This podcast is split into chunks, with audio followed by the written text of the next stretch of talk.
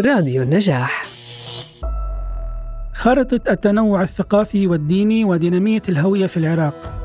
تمثل العراق واحدة من أكثر دول المنطقة احتضانا للتنوع الثقافي والديني. أحيانا يمثل هذا التنوع مصدر للصراع والكراهية وأحيانا يمثل مصدر غنى وتنوع وتعددية. متى تكون الهوية مصدر للتنوع والغنى ومتى تكون مصدر للصراع؟ أنا عبد الله جبور وهذه حلقة جديدة من الهوية بودكاست. يسعدني في هذه الحلقة استقبال الأستاذ الدكتور سعد سلوم الأستاذ والأكاديمي المختص بشؤون الأقليات وحقوق الإنسان وأستاذ العلوم السياسية في الجامعة المستنصرية في بغداد.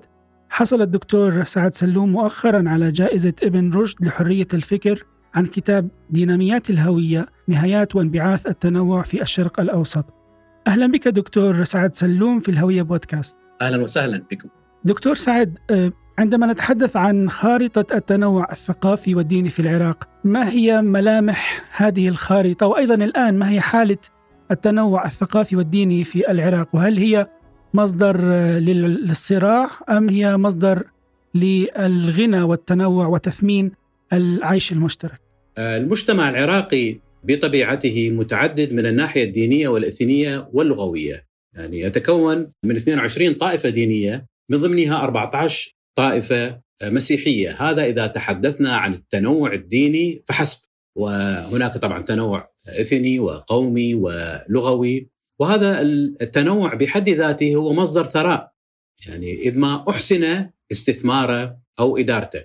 وأنا أقول دائما لكي أجيب على سؤالكم هل هذا التنوع هو مصدر تهديد مصدر غنى أم هو يعني يكون في جانب يعني إيجابي وسلبي بنفس الوقت، أنا أعتقد طريقة إدارة الدولة للتنوع يمكن أن تجيب على هذا السؤال. إذا فشلت الدولة في إدارة التنوع سوف يتحول التنوع إلى مصدر تهديد، أما إذا أحسنت إدارة هذا التنوع فسوف يتحول إلى صمام أمان وعامل وحدة وسوف يكون مصدر ثروة وغنى وأيضا هذا متعلق بطريقة التفكير السائدة، أنا أسميها البارادايم المهيمن، يعني نمط التفكير المهيمن. من وجهة نظري نمط التفكير المهيمن أو البارادايم المهيمن في العراق والعالم العربي أن التنوع هو مصدر تهديد. يعني ربما بالسنوات الأخيرة أصبحت هناك صحوة والمسؤول عن هذه الصحوة الكبيرة بالأوساط الثقافية والإعلامية والأكاديمية وحتى السياسية العربية هو الجرائم التي ارتكبها تنظيم داعش الإرهابي، جرائم التطهير العرقي والإبادة الجماعية التي استهدفت الأقليات الدينية وأدت إلى موجات هائلة من النزوح والهجرة التي آه، رسمت ملامح تهدد التنوع في المنطقة، يعني بلدان متنوعة مثل سوريا ولبنان والعراق التي هي معاقل التعددية في الشرق الأوسط بدأت تفقد تنوعها بسبب يعني العنف الطائش والعشوائي وعدم الاستقرار السياسي. مجتمعات مستقرة يعني مثل حتى يعني الأردن المملكة الأردنية الهاشمية التي عرفت باستقرارها. أيضا هناك هجرة بسبب الوضع الاقتصادي وبسبب يعني الانسداد الموجود في المنطقة ككل. يعني صارت الهجرة أما تكون خيار فردي أو تكون بسبب يعني كهجرة جماعية بسبب أو تهجير جماعي بسبب عدم الاستقرار السياسي والعنف وتهديد هذه الجماعات الدينية التي تمثل ألوان التنوع الديني والإثني واللغوي في المنطقة وتمثل هوية المنطقة. يعني الشرق الأوسط منطقة آه، هي مصدر الرسالات السماوية الأديان الكبرى المسيحية واليهودية والإسلام. وهي آه، مصدر تقاطع القوميات الكبرى العربية الكرديه التركيه الإيرانية. يعني هاي منطقة التقاطعات تمثل أنا برأيي آه، يعني معقل معقل مهم آه، للتنوع والتعددية يمثل ميراث حضاري للإنسانية آه، ككل. لذا حينما نجيب على هذا السؤال اللي طرحته هو سؤال أنا أعتقد سؤال راهن ويجب على النخب الأكاديمية والمدنية وحتى النخب السياسية أن تنخرط بالإجابة عليه. التفكير سوية كيف يمكن أن نحافظ ونحمي هذا التنوع؟ وكيف يمكن لنا إدارته بطريقة رشيدة؟ وكيف يمكن أن نحوله إلى مصدر ثروة؟ يعني كل هذه يعني العناصر أنا برأيي مترابطة ويجب علينا جميعا أن نفكر فيها لأننا جميعا على سطح تيتانيك المشرفة على الغرق. نحن نريد أن نحول تيتانيك المشرفة على الغرق إلى سفينة نوح بحيث تصعد عليها جميع الأنواع والإثنيات والثقافات لكي نصل إلى بر الخلاص. دكتور في العودة إلى العراق والتنوع آه، هناك فيلسوف صيني قديم سألوه إنه لو أعطيت الحكم ليوم واحد ماذا ستفعل؟ قال سأضبط المفاهيم وعندما نتحدث عن المفاهيم في إطار الهوية والتنوع هناك من يقول أقليات وهنالك من يقول مكونات. عندما نقول أقليات هنالك نوع من آه، تأثير على فكرة المواطنة المتساوية، وعندما نقول آه، مكونات أحيانا أيضا بالمجتمع الدولي بالقانون الدولي آه، هنالك يعني استعطاف مع الأقليات. أنت في ديناميت الهوية تجد في العراق وفي المنطقة العربية كيف نتعامل مع هذا المفهوم؟ هل نقول مكونات أم نقول أقليات ولماذا؟ هذا أيضا سؤال مهم يعني أشكركم على طرحه لأنه لأنه يواجهني بكل جلسة يعني خلال ال سنة الماضية كنت دائما أواجه هذا السؤال حينما أستخدم آه، المصطلح. ومصطلح أنا برأيي مصطلح آه، أقليات ومكونات وشعوب أصلية يعني أضيف لك مصطلح ثالث أيضا هو متداخل ويستخدم بالسياق الإعلامي والسياسي والثقافي آه، العربي. حينما نستخدم مصطلح أقليات وهو مصطلح يعني إحنا ما اخترعناه وإنما ورثناه عن الأسرة الدولية استخدم استخدم يعني مصطلح هو حقوقي يرتب حقوق لبعض الجماعات.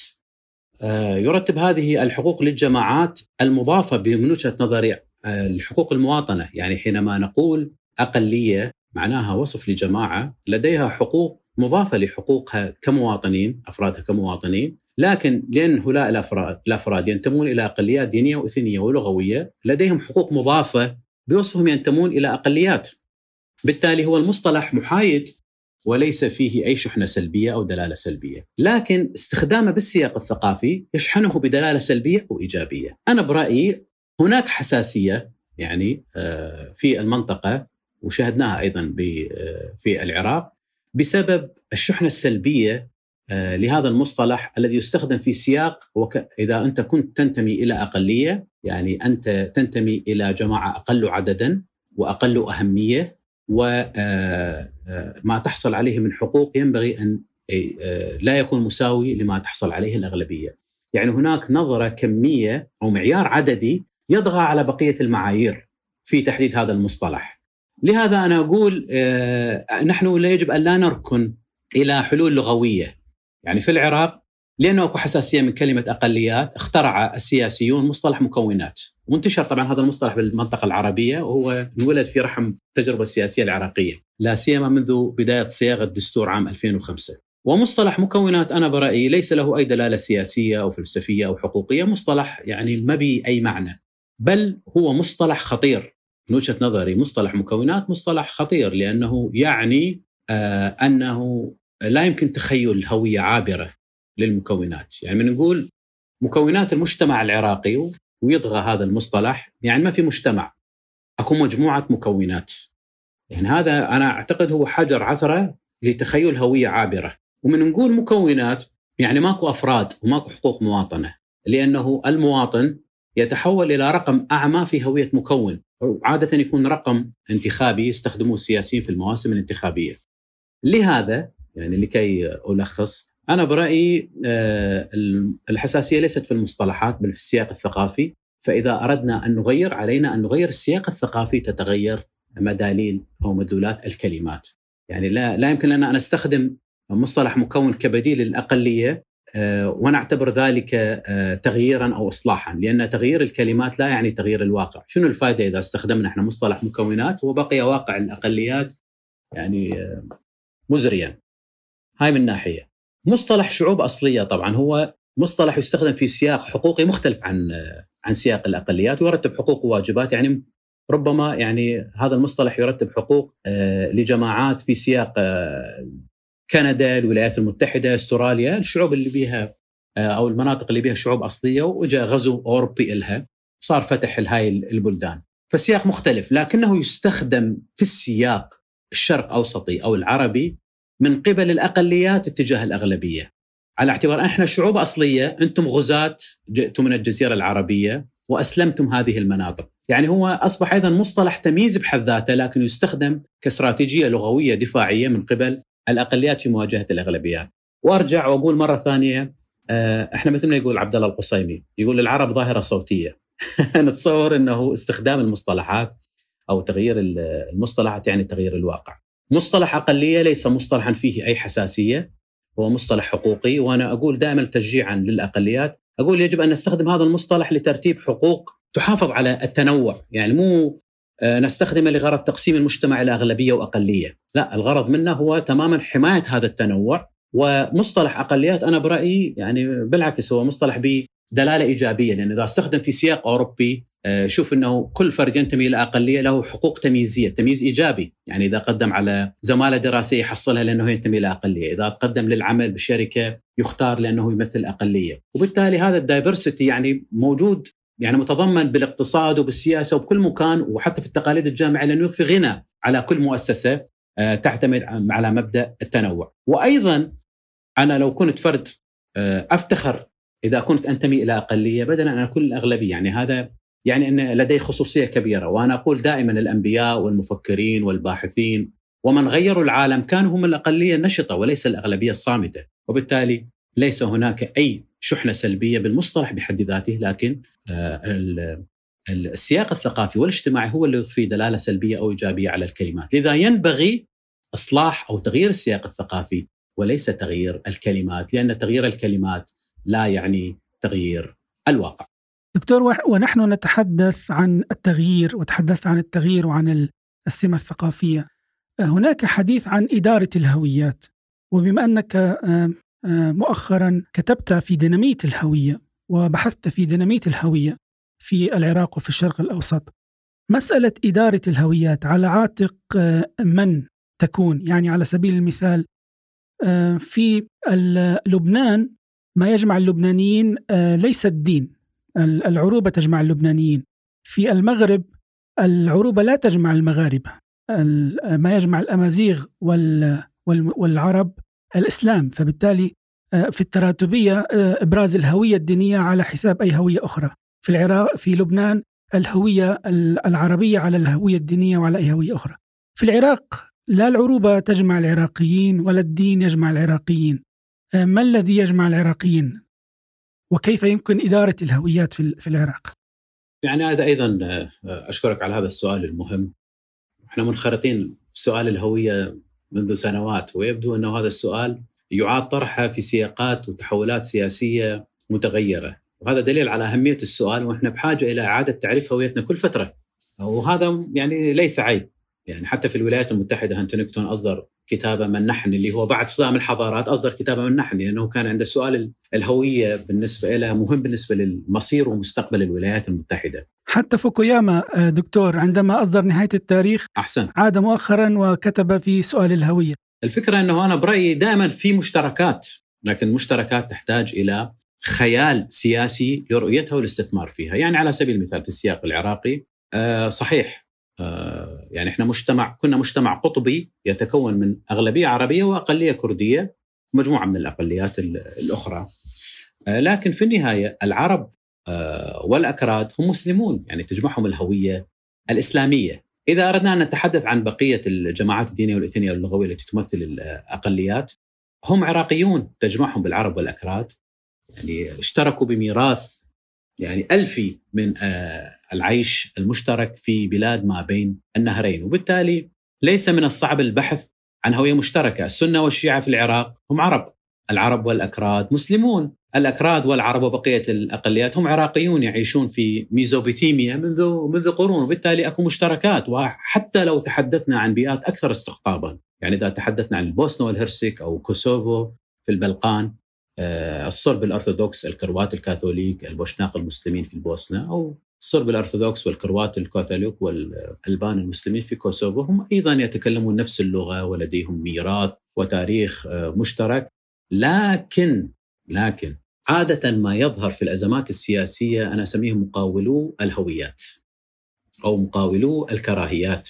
الذين يستثمرون في الانقسامات أو الحدود الثقافية ما بين الجماعات ويستخدمون استراتيجيات تعبئة عرقية وخطابات كراهية ضد الآخر ومن ثم تتحول هذه الحدود الثقافية التي عادة تكون مسامية ومنفتحة بفعل الزيجات المشتركة وفعل الجوار وفعل التلاقح الثقافي تتحول إلى جدران فولاذية وتتحول إلى مصدات.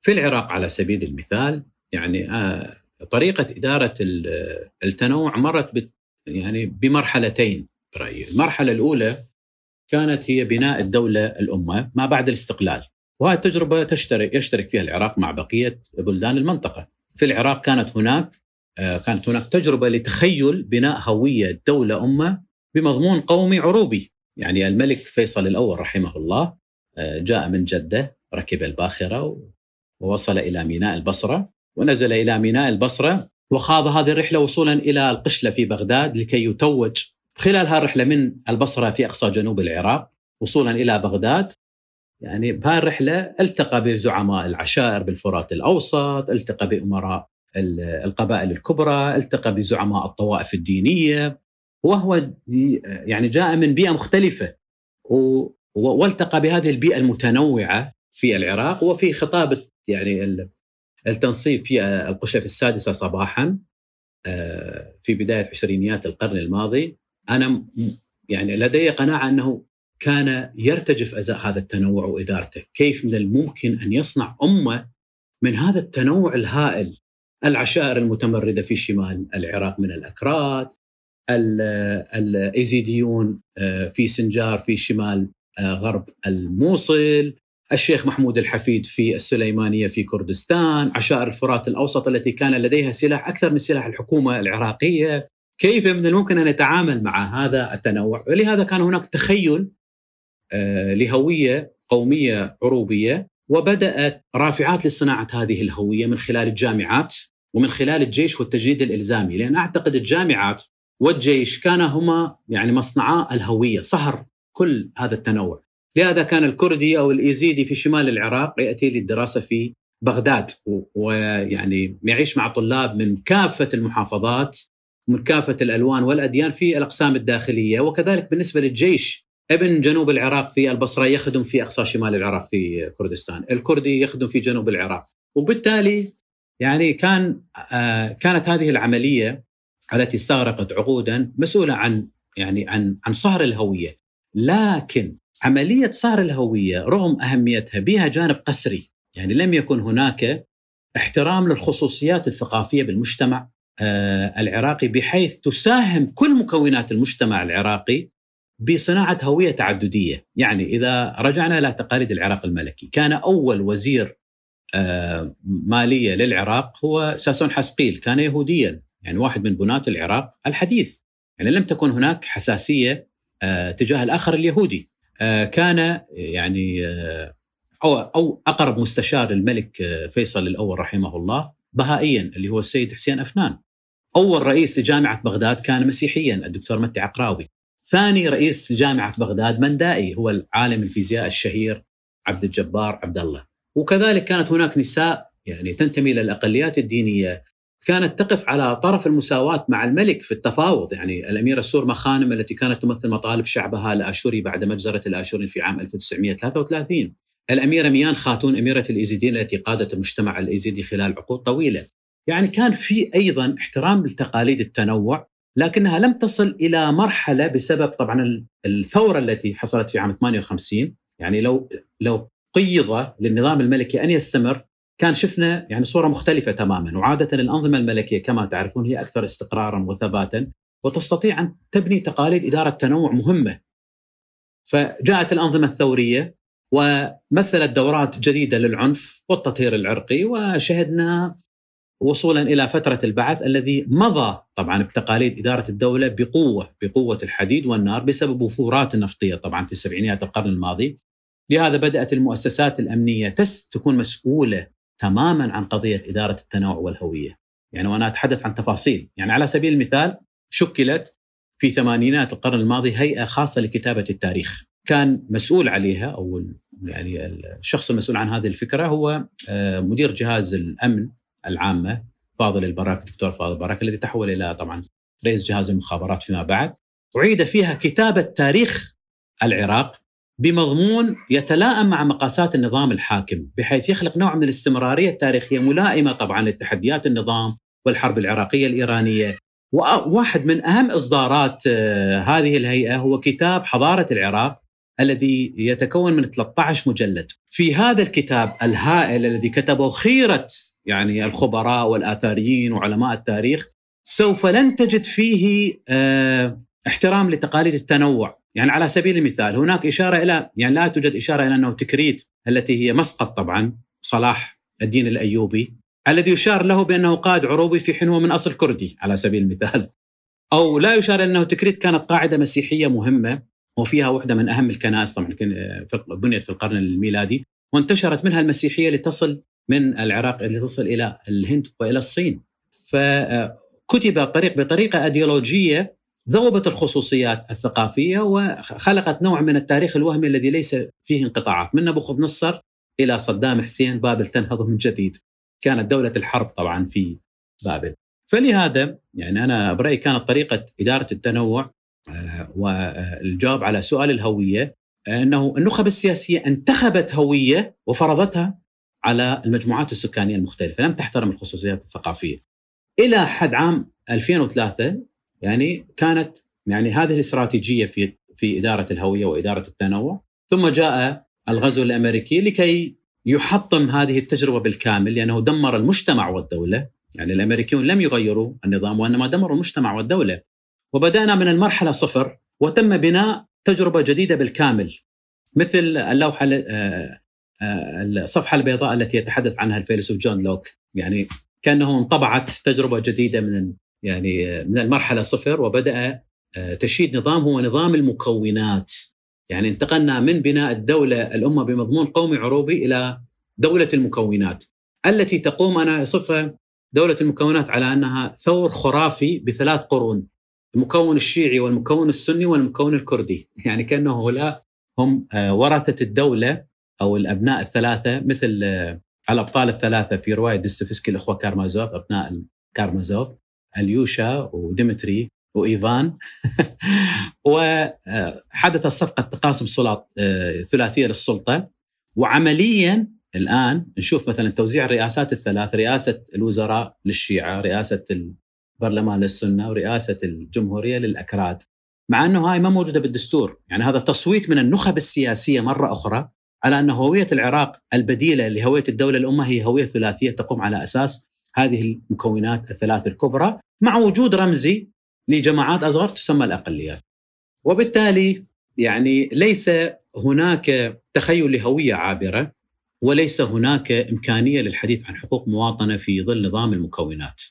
يعني هذا نمط بناء الدولة الأمة من عام 21 إلى عام 2003 ثم نظام دولة المكونات من عام 2003 إلى الآن ما أدعو له كباحث وكناشط وكصانع سلام في العراق.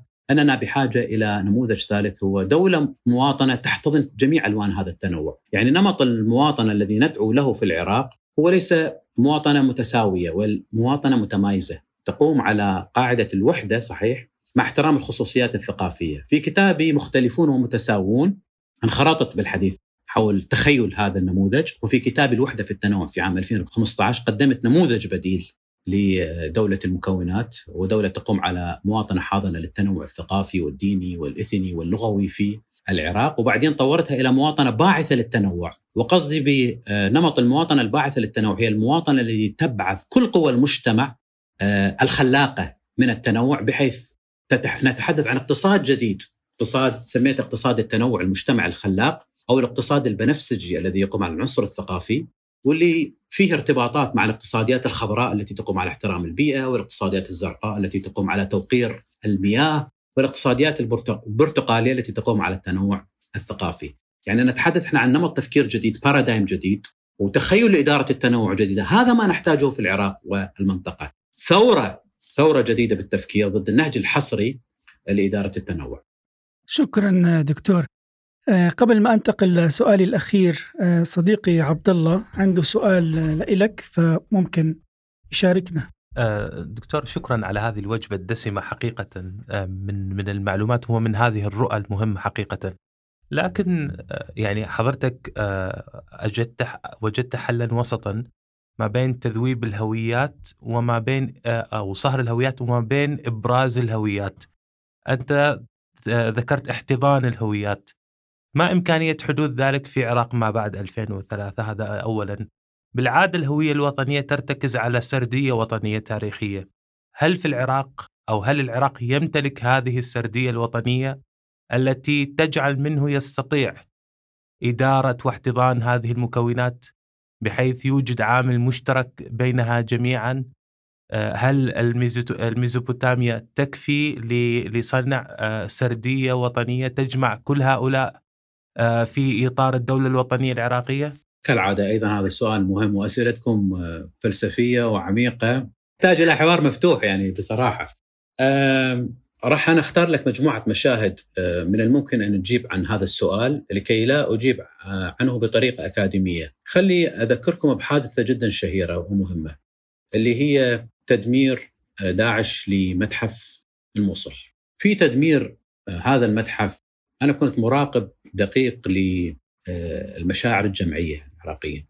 كل العراقيين على اختلاف خلفياتهم الدينية الإثنية اللغوية المناطقية تركمان وعرب وأكراد وكلدو آشوريين وسريان وكاكائيين وكردفيليين إلى آخره تسمروا أمام شاشات تلفاز وهم يراقبون مقاتلي داعش يدمرون هذا التراث الميزو ميزوبوتيميا الألفي. ليش؟ كان هناك صدمة وشعور بالغضب.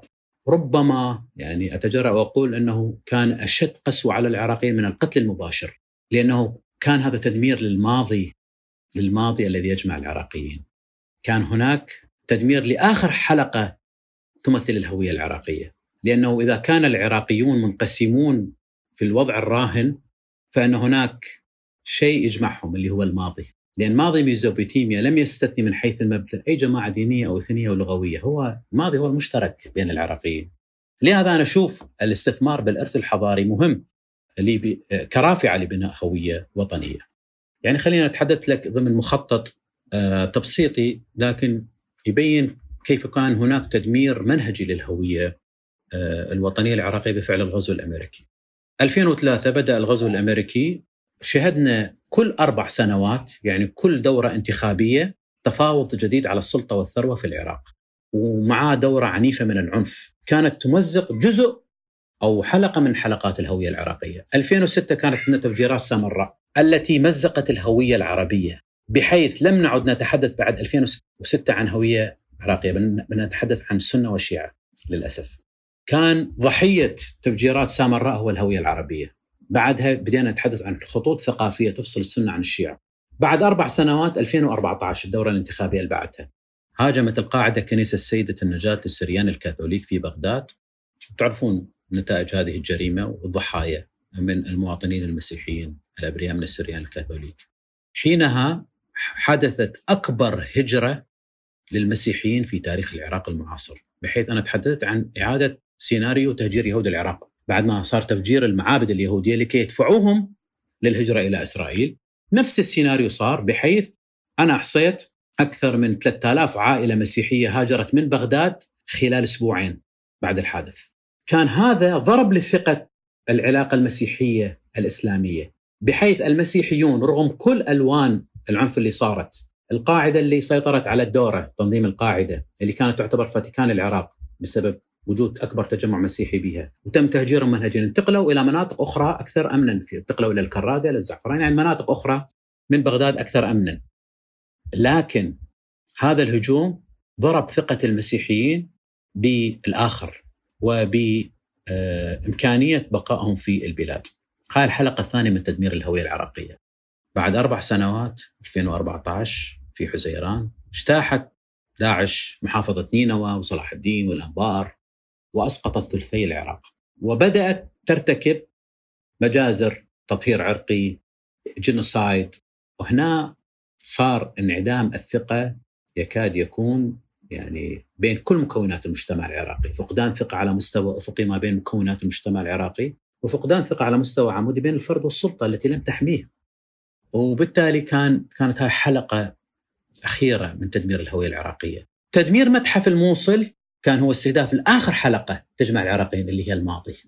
فلهذا أنا من وجهة نظري الاستثمار في ماضي ميزوبوتيميا هو ليس قضية نظرية أو قضية يعني قضية صالونات ثقافية. لا الماضي يجمع العراقيين فيجب الاستثمار به. لهذا من نتحدث عن السردية وأنت سألتني عن السردية أنا برأيي في سرديتين صناعة الهوية العراقية بها تنافس. السردية الأولى هي اللي تقودها أحزاب الإسلام السياسي. اللي تقول العراق هو علاق إسلامي وتنظر إلى أنه بداية التاريخ هي من الإسلام وهاي السردية بها نزاعات داخلية بسبب النزاع الطائفي السني الشيعي والاختلاف حول آه، الكثير من القضايا اللي هي روايات السنة والشيعة على الخلافة وإلى آخره والميراث ما قبل الإسلامي السردية الأخرى. أنا برأيي هناك صحوة هوية لدى الأجيال الجديدة من العراقيين بعد احتجاجات أكتوبر 2019 بحيث صارت هناك عملية صناعة الهوية من أسفل إلى أعلى. لأنه عندنا نخب سياسية آه، تتاجر بالهويات المكوناتية أو الطائفية وتستخدم خطابات الكراهية كاستراتيجية تعبئة لشيطنة الآخر في المواسم الانتخابية. عندك سردية وطنية من أسفل إلى أعلى الاحتجاجات التي تجاوزت هاي الهوية المكوناتية. وإذا تتذكرون باحتجاجات أكتوبر استخدام الرموز السومرية والعراقية القديمة قد كانت ماثلة؟ بحيث كان هناك انفتاح استخدام رموز إسلامية كان هناك نوع من التعشيق أو نوع من آه، الصهر لهذه الرموز بحيث الحديث عن عن استمرارية تاريخية فعلية مو استمرارية إيديولوجية مفروضة. فأنا برأيي هناك صراع ما بين السرديتين. إحنا بحاجة إلى استثمار سياسي يعني إرادة سياسية تستطيع أن تستثمر بهاي السردية وصناعة الهوية من أسفل إلى أعلى.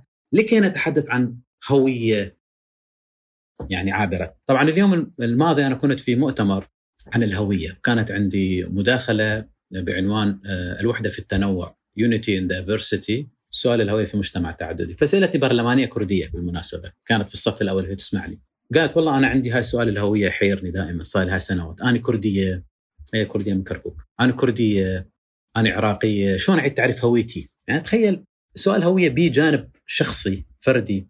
وبنفس الوقت بجانب يخص الدولة وسياساتها. فهي كانت تتحدث من منظور عندها صراع داخلي. تقول لي يعني أنا أريد بطاقة تمثل هويتي أريد أشعر بالفخر بهاي الهوية.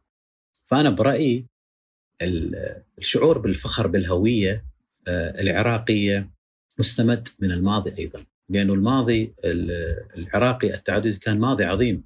لكن كيف من الممكن أن نستثمر يعني كما يقول جان جوريس بشعلة الأجداد وليس برمادهم يعني نحول هاي إلى شعلة لبناء هوية وطنية وليس الحديث عن تصميم الماضي والاحتفاء به، أوكي إحنا حضاره عمرها 7000 سنة، عمرها 9000 سنة، لكن المهم كيف من الممكن أن نستثمر هذا التراث التعددي وهاي التقاليد ونعيد بعثها في الحاضر. لهذا من المهم من المهم على النخب السياسيين يكون عندها خيال، وإذا لم يكن لديها خيال هذا شغل المثقفين ومراكز التفكير والأبحاث ووسائل الإعلام لأنه إذا لم يكن للدولة دماغ راح تصاب سكتة يعني سكتة قلبية ودماغية. فنحتاج يعني نحتاج إلى آه، يعني استثمار في التنوع ونحتاج إلى استثمار بهذه السردية وال آه، بناء الهوية من أسفل إلى أعلى، يعني بالنهاية بناء الهوية من أسفل إلى أعلى ليس كافيا، نحتاج إرادة سياسية، لهذا أنا برأيي لحظة تشرين ضاعت،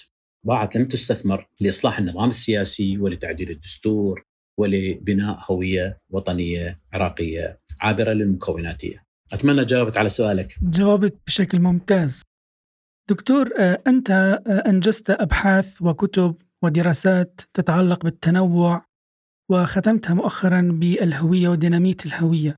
ما هي آه، خلاصة دراستك عن الهوية مؤخرا وما هي الرسالة التي يمكن أن تقدمها للفاعلين الرئيسيين؟ يعني ما هي الرسالة التي يمكن توجيهها إلى المؤسسات الرسمية التي تقوم بتطوير السياسات على المستوى الرسمي آه، في المسألة البيدوغاجية آه، التعليم كيف يمكن آه، ما هي رسالتك للتعليم للمجتمع المدني للمثقفين للسياسيين لخلق هذا الفضاء المشترك ولتكون أيضا الذاكرة الجمعية تشارك في صناعة الهوية المتحركة التي تحتضن التنوع وتحترمه في المجال العام. آه، إذا تحدثنا إحنا بشكل سريع عن كتاب ديناميات الهوية الكتاب يكون من أربع أقسام. القسم الأول أتحدث به عن آه، شنو قصدي بديناميات الهوية المعقدة؟ آه، القسم الثاني يتحدث عن خطابات الكراهية القسم الثالث يتحدث عن نمط الاقتصاد الملائم اللي هو سميته اقتصاد التنوع المجتمعي الخلاق والقسم الرابع يتعلق بالجواب على سؤالك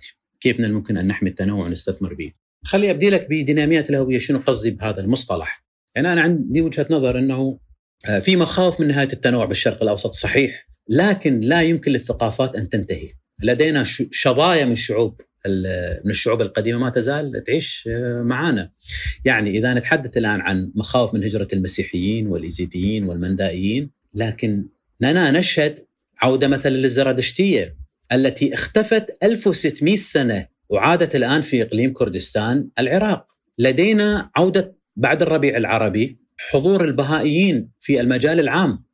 يعني حضورهم في تونس في صياغة الدستور، مشاركتهم أيضا آه، بعد الربيع العربي في مصر كذلك، آه، احتفالاتهم في العراق أيضا ودخولهم بالمجال العام، وجودهم أيضا حتى في بلدان مثل الأردن، نشوفهم بالورش ونشوفهم بالمؤتمرات، فايضا هناك بعد الربيع العربي حدث جديد أدى إلى شنو؟ دخول أو رجوع أو خروج البهائيين من الظل إلى الضوء. لدينا صحوة الهوية الأفريقية في العراق والعديد من بلدان المنطقة بعد فوز الرئيس الأمريكي باراك أوباما بالرئاسة الأمريكية، فشهدنا أحفاد ثورة الزنج في جنوب العراق يحتفلون بفوز الرئيس أوباما ويعلقون صورة مارتن لوثر كينج وصورة أوباما في حيطان منازلهم وفي مدارسهم آه، لتدريس آه، الفقراء في العشوائيات اللي يسكنون بها وكذلك في كل المنطقة في موريتانيا في مصر حتى في ترك بلدان مثل تركيا بدأ الحديث عن السكان من ذوي البشرة آه، آه، السمراء أو السوداء. بالتالي أكو صحوة هوية أكو ديناميه هوية. أنا أقول آه، في أشكال من التنوع تختفي ومعرضة للانقراض في مقابل أشكال تعود. ليش هالأشكال تعود؟ بسبب تحولات سياسية مثل الربيع العربي بسبب صدور قوانين تعترف يعني في إقليم كردستان مثلا صار اعتراف بالديانه الزرادشتيه فعاد الزرادشتيه للظهور مرة ثانية. وفي أيضا حدث على بعد آلاف الاميال مثل فوز الرئيس أوباما. حدث دولي هو كان مسؤول عن صحوة الهوية للافرو ايراكيين وللشرق اوسطيين من أصول أفريقية في المنطقة. بالتالي أكو دينامية للهوية وهذه الدينامية لازم نتعلم منها إحنا. ينبغي عدم تنميط هذا التنوع الموجود. يعني نمط جديد من المعرفة نحتاج، أول شيء الخطاب الغنائي لم لم نعد بحاجة إليه. يعني ما ممكن إحنا المسيح الذي يهاجر واليزيد اللي يهاجر نقول لهم مثلا أنتم شعوبنا الأصلية، أنتم جذور ثقافتنا، أنتم جذور شعوبنا، هذا الخطاب الغنائي الذي لا يغني يعني ولا يحل مشكلة، أو النمط الآخر من الخطاب اللي أسميه المعرفة بالصدمة. يعني ننظر الآخر كضحية، نتعاطف مع الايزيدي لأنه تعرض للإبادة، في حين إحنا بحاجة إلى احترامه على قدم المساواة. نسأل عن ثقافته، نحترم لغته، نحترم معتقداته، مو نتعاطف فيها لأنه ضحية، بحيث أصبح الآخر علاقتنا بالآخر مقرونة بهاي المعرفة بالصدمة أسميها أو المعرفة بالمأساة، يعني الأرمني ينظر لعلاقته بالآخر من خلال آه الإبادة الأرمنية في عام 1915 الاشوري ينظر لعلاقته مع المسلم من خلال مجزرة الاشوريين 1933 الأكراد ينظر إلى علاقته مع مع العرب من خلال حلبشه والأنفال. الشيعي ينظر إلى علاقته مع الآخر السني من خلال المقابر الجماعية. وهلما جرى؟ إحنا بحاجة إلى أنه هاي النمطين من التفكير نتخلى عنهم ونأسس معرفة بارادايم جديد. أنا أعتقد هاي خطوة مهمة من الناحية الثقافية ومن ناحية المناهج الدراسية. شنو اللي نحتاجه؟ اللي نحتاجه هو أنا أعتقد ثورة على النهج الحصري للاعتراف بالآخر ولازم نبدي ثورة بمناهج التعليم. يعني أنا إذا تحدثت عن تجربتي وتجربة المؤسسة اللي أنتمي لها، يعني أنا عمليا لدي 20 مؤلف عن التنوع الديني والإثني واللغوي، 20 مؤلف، بعض كتبي طبعت آلاف النسخ يعني كتاب الأقليات في العراق طبعت منه خمسين ألف نسخة خلال العشر سنوات الماضية. يعني هذا رقم كبير بالمقارنة مع يعني ما يعني ما يسوق بال بالنسبة للكتاب العرب. لكن ما هو مقدار تأثير ذلك على الوعي الجمعي؟ 20 مؤلف. عندي مؤسسة أشتغل بها يعني صار 18 سنة وعندنا عندنا عشرات الإصدارات. عندنا أكثر من 100 إصدار حول حول التنوع. عندنا عشرات الآلاف من الصحفيين والكتاب والباحثين ورجال الدين اللي دربناهم. لكن مؤسسة واحدة أو باحث واحد ما يكفي. المناهج التعليمية هي التي يمكن أن تغير النشء الجديد. يعني نحتاج مناهج تعلم عن التنوع وتعلم من التنوع. وقصدي بهذين العنصرين تعلم عن التنوع شنو خريطة التنوع الموجودة؟ بالعراق بالأردن بلبنان لازم نعرف الآخر الداخلي. هاي أولا. ثانيا التعلم من التنوع عن طريق الاختلاط لأن الاختلاط جدا مهم. يعني على سبيل المثال إحنا بنجري تدريبات للصحفيين لدينا في مؤسسة مسارات أنا أعطيهم العنصر الأول هو التعلم عن التنوع نعطيهم الدراسات الموجودة عندنا تدريب مكثف حول التنوع خريطة التنوع الموجودة وبنفس الوقت تعلم من التنوع ناخذهم إلى المناطق المقدسة آه، للأقليات الدينية خليهم يزورون الكنائس يزورون الجوامع يزورون آه، لالش بالنسبة لمعبد الإيزيديين مراكز الزردشتيين الموجودين. لأن هذا تعلم عملي من من التنوع بالاختلاط. أعتقد جمع بين هذين العنصرين مهم جدا. هاي على صعيد المناهج الدراسية. ثانيا تشريعات مهمة. لا نستخف بأهمية التشريعات بوصفها آلية من آليات التغيير الاجتماعي. يعني على سبيل المثال أنا دائما أضرب إلى طلابي في الجامعة هذا المثال. أقول لهم آه، في ستينات القرن الماضي كان هناك تمييز منهجي ضد السود في ولايات الجنوب الأمريكي، يعني محرومين من حق الانتخاب، دخول الجامعات. في عام 2008 فاز الرئيس أوباما، يعني شنو اللي صار؟ يعني معجزة صارت، آه، الشعب الأمريكي نزل من المريخ، ظهر لهم المنقذ أو المخلص. آه، لكن كانت هناك تشريعات، تشريعات اختصرت النضال. حركة مدنية، رجال مثل مارتن لوثر كينج، أكاديميين، ناشطين، صحفيين وتشريعات.